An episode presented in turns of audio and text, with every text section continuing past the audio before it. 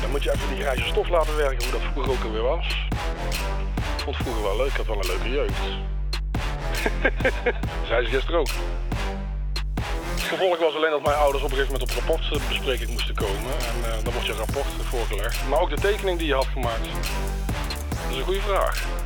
Als we nou gaan kijken, Patrick. Je bent ooit begonnen als eh, jongen met een eh, VMBO-opleiding... die eh, met ijzer in, bij de DAF materialen kon maken.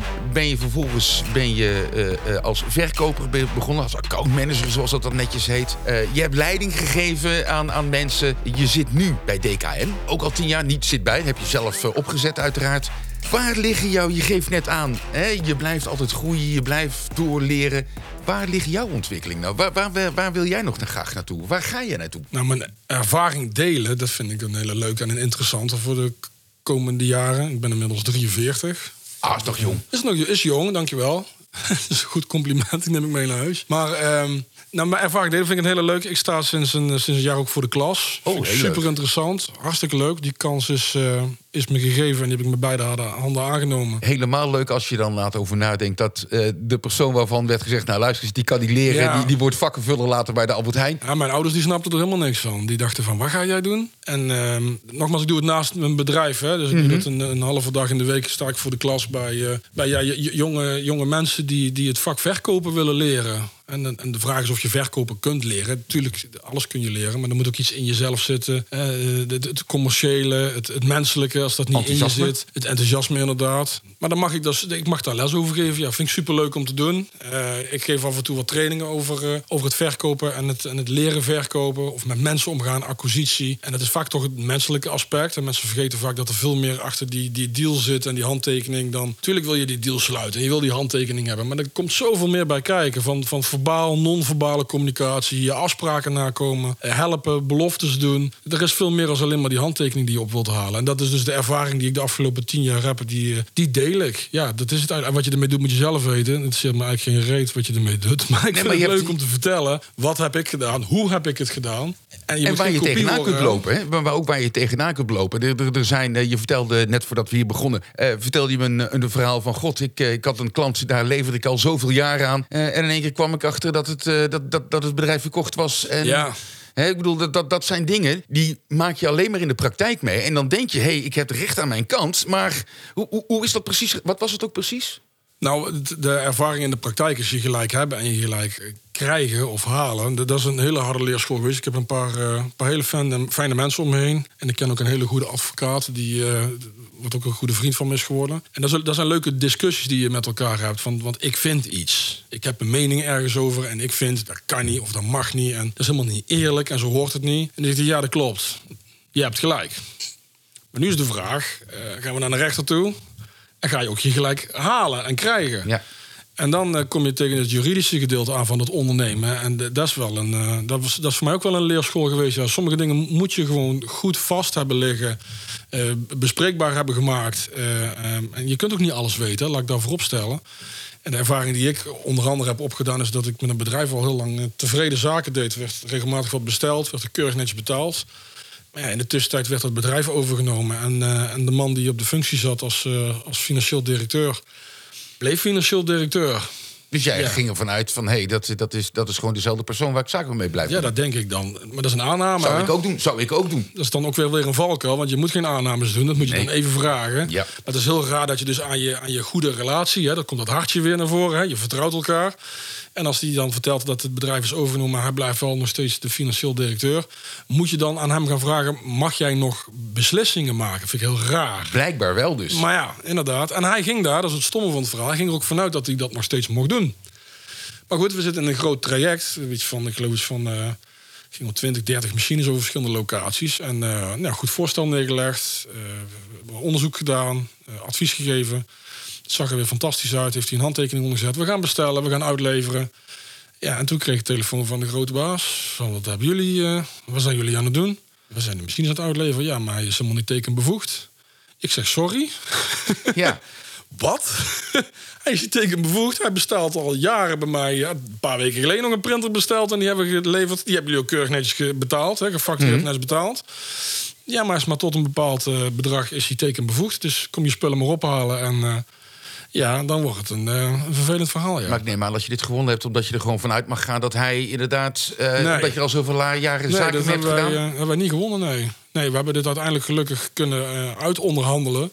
Maar als wij naar, naar een rechter waren gestapt, dan hadden wij dit verloren, ja. Ja, dat is keihard. En dat vond ik ook heel lastig. Want ja, komt het weer het gevoel, hè? Ja, ja, ja. Ik vind en ik voel en ik dacht, ja, en dat klopt ook. Heb je ook gelijk in, Patrick, werd gezegd. Maar zwart op wit. En de realiteit is, uh, dat hij is niet tekenbevoegd. Dus, en dat hij misschien een, een, boete kan krijgen... of dat hij eh, whatever op, op zijn donder krijgt... of weet ik veel wat, wat voor nadelen eraan vasthangen. Hij is niet tekenbevoegd. Dus jij had moeten controleren of hij wel die order bij jou mocht plaatsen. Dus op het moment, uh, voor, de luisteraars, op het moment dat je met een, uh, met een, een klant krijgt te maken waar een nieuwe directeur of wat dan ook zit, controleer eventjes bij, met de mensen, bij de mensen waarmee jij ja. zelf zaken doet. Dat, andere, wel, dat het wel mag. Heb je hele andere tools voor. En natuurlijk heb je geleerd. En dan moet je weer in investeren. Dan sluit je een, een abonnement ergens op af. En dan kun je inderdaad zien of iemand tekenbevoegd is. En dan weet je ook of de juiste persoon. Ja, het is heel flauw, maar het is wel de realiteit. Ja. En um, als je dat een paar euro kost, valt het wel mee. Maar als dat op gaat lopen, dan, dan doet het heel pijn, kan ik je vertellen. Ja, begrijp ik. ja. Als je nou terugkijkt, hè, we zitten nou uh, tien jaar DKM. Het elfde jaar gaan we naartoe. Wat, is nou, wat zijn nou de, de drie grootste lessen die jij eigenlijk hebt geleerd afgelopen, laten we zeggen, 30 jaar, hè, als je terug gaat naar DAF? Ja, zo met, snel. met alles. Uh, 30 jaar alweer? Bijna wel, ja.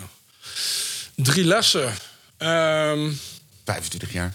Dat is een goede vraag, joh. Je hebt veel goede vragen. nou, ik vind het belangrijk, um, dat zoek ik ook in, in, ook in mijn klanten. Ja, dat is ook eerlijk om te zeggen, want niet, niet iedereen past bij jou als klant. Hè. Jij niet als leverancier, maar je kunt hem ook opdraaien, omdraaien. Hè. Wil jij leveren of, of, mag iemand wel bij jou kopen? Hè? Die vraag kun je ook stellen. Maar ik vind het belangrijk dat je moet zeggen wat je denkt, maar je moet ook doen wat je zegt. Mm -hmm. Dus dat is niet de les die ik heb geleerd, maar de les die ik eigenlijk mee wil geven aan, aan mensen met wie ik ja, in het dagelijks leven omga, maar ook, uh, ook met, mijn, met mijn relaties, klanten en, en, leveranciers. En ik ben ook steeds meer daar, nou ja, tactischer uitgesproken in geworden. Laat ik het dan zo zeggen. Ja. Ik, kan best wel lomp en grof uit de hoek komen. Je gaat nou niet meer naar binnen en je neemt geen autosleutels meer af. Nee, nee, nee, nee, nee, nee, dat doe ik niet meer. Nee, ik durf nog wel op een eerlijke manier en een correcte manier te zeggen wat ik ervan vind. Maar ja, ook, dat is ook een leerproces. Maar blijf wel jezelf. Blijf wel dicht bij jezelf. En, en, vooral eerlijk. En zeg wat je denkt, maar doe ook wat je, wat je zegt. Dus niet van ik zeg dat ik je autosleutels afpak en dan kom ik ze ook daadwerkelijk ophalen. dat staat in de contracten. Maar wel eerlijk blijven naar elkaar toe. Ja. Dat is, uh, ja, de, en, en ook politiek correct. Hè? Dat is dan zo'n zo'n mooi woord. En ik blijf samenwerken. Dat, dat is ook een les die ik heb geleerd. Maar wel met de juiste samenwerkingspartners die ook niet alleen waar jij iets kan toevoegen, maar die ook iets aan jou kunnen toevoegen. Uh, want dat is win-win. Dat, ma dat mag wel een beetje in balans zijn. Dat kan soms naar links en soms naar rechts. Maar Mhm. probeer met de juiste mensen de, de juiste balans te vinden. wa- Waardoor het werk ook leuk blijft. Want dat is het belangrijkste. Je moet plezier hebben in je werk. Ja, en stilstaan is, is, is niet vooruitgaan. Je moet wel in beweging blijven. Ik denk dat dat ook wel een belangrijke les is. Als je stilstaat, gebeurt er niks. Dus als morgens de wekker gaat en, en je doet niks, dan eh, je komt niet uit bed of je gaat niet ondernemen hè, of je gaat niet aan de slag, dan gebeurt er ook niks. En, ehm, dus blijf in beweging. Ja, dat is zeker wel een, eh, en niet alleen een les, maar ook een advies. In beweging blijven. Blijf jezelf opnieuw uitvinden, ontwikkelen. eh, zodat er leuke dingen ontstaan en het ook leuk blijft om te werken. Wat wil je tegen die jonge lui zeggen die op dit moment totaal nog niet weten wat ze willen gaan doen? Leven in het nu. Gewoon wat je nu aan het doen bent. De toekomst is, is belangrijk, absoluut. Blijf ook op school hè, en volg je lessen. En eh, ben een beetje lief voor de leraar, want die doet ook zijn best. Zegt hij uit ervaring. Zegt hij uit ervaring. Die doet niet omdat hij het moet, maar die doen het eigenlijk ook omdat ze het leuk vinden. Maar blijf, eh, blijf ook in het nu zitten. Eh, er wordt heel veel gespeculeerd over je toekomst. Hè, en, eh, en, en, en er is van alles te zeggen over salaris, over je baan, over een huis, over vastigheid. En dat is goed om er wel eens over na te denken. En, met, en misschien met je collega's, met collega's scholieren of met je ouders daar eens over te praten. Maar probeer ook in het nu te blijven. Probeer ook nog even kind te blijven en te genieten van de leuke dingen. Mijn ervaring is dat ik heb genoten van, van, van mijn jeugd, absoluut. Ik ben ook even zoekende, heel lang zoekende geweest... zonder altijd te luisteren wat andere mensen van mij ja, verwachten en wat ze wilden. Het voordeel is nu, nu ik dan wat ouder ben... ik weet nu wel wat ik wil en ik weet wat ik nu aan het doen ben... dat ik daar plezier in heb. Ik zie ook in mensen van rond mijn leeftijd... die heel altijd correct hebben opgelet op school... en de opleiding hebben gedaan... en hebben altijd gedaan wat ze moesten en wat er van hen werd verwacht... dan kom je op een gegeven moment zo'n punt dat je denkt van nou vind ik dit nog wel leuk. En dan gaan ze in één keer hoppen, gaan ze op zoek naar een andere baan. En dan, dan hoppen ze het ene jaar naar de ene en het andere jaar naar de andere.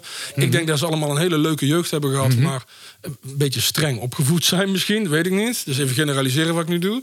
Maar voor de jeugd nu zou ik zeggen, joh, bl- blijf doen wat je leuk vindt. Zeker in, in deze tijd. Let wel op op school. Maar ga erop uit. Ga dingen doen, ga dingen ervaren. En ga op zoek naar wat jij leuk vindt. Om daar later ja, het beste in te worden en daar plezier uit te halen.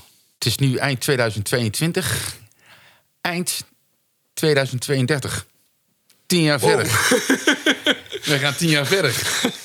Ja. Och jee, Sander, wat doe, wat doe je nou? Eh, tien jaar later. Of over tien jaar. Daar overval je met mij. Over tien jaar. Nou, ik hoop dat ik gezond blijf en ben. Eh, nog steeds plezier heb in het leven en plezier heb in hetgene wat ik doe. En ik hoop dat ik toch, toch over, over nu en over tien jaar toch misschien toch wel meer mijn kennis mag delen met, met de rest van, van de mensen in de wereld. Ik vind het namelijk heel leuk om te vertellen. En niet te vertellen wat je moet doen, maar meer om te vertellen van, joh, wat heb ik meegemaakt? En hoe heb ik dat toen gedaan? En, en wat zou jij doen? Die vraag stel ik ook wel eens aan de kinderen van mijn vriendin. Dan, dan maak ik iets mee en dan vraag ik aan de oudste, die is 13, van, joh, wat zou jij doen? En dan, dan hoor je op, op van iemand anders, dan 13, maar vooruit. Dan, dan hoor je wat die zou doen. En dat is best leuk om te horen. Dat wil niet zeggen dat ik zijn advies opvolg. Hè? En dat geldt ook als ik het aan jou zou vragen, dat ik jouw advies opvolg. Maar het is, ik vind het leuk om te vertellen. Ik vind het leuk om te vertellen en ik hoop dat ik mag blijven vertellen. Dat is denk ik voor de komende tien jaar wel een beetje mijn missie. Blijven praten, blijven vertellen, blijven delen. En eh, ik hoop dat mensen energie krijgen van de verhalen die ik te vertellen heb. Mag ik jou heel hartelijk bedanken voor deze ontzettend leuke serie, Patrick. Dankjewel. Ik heb ervan genoten, ik heb er zelfs van geleerd. Ik hoop dat er een vervolg komt. Dat hoop ik ook. Dat ligt aan de luisteraars. Dus eh, dank jullie wel.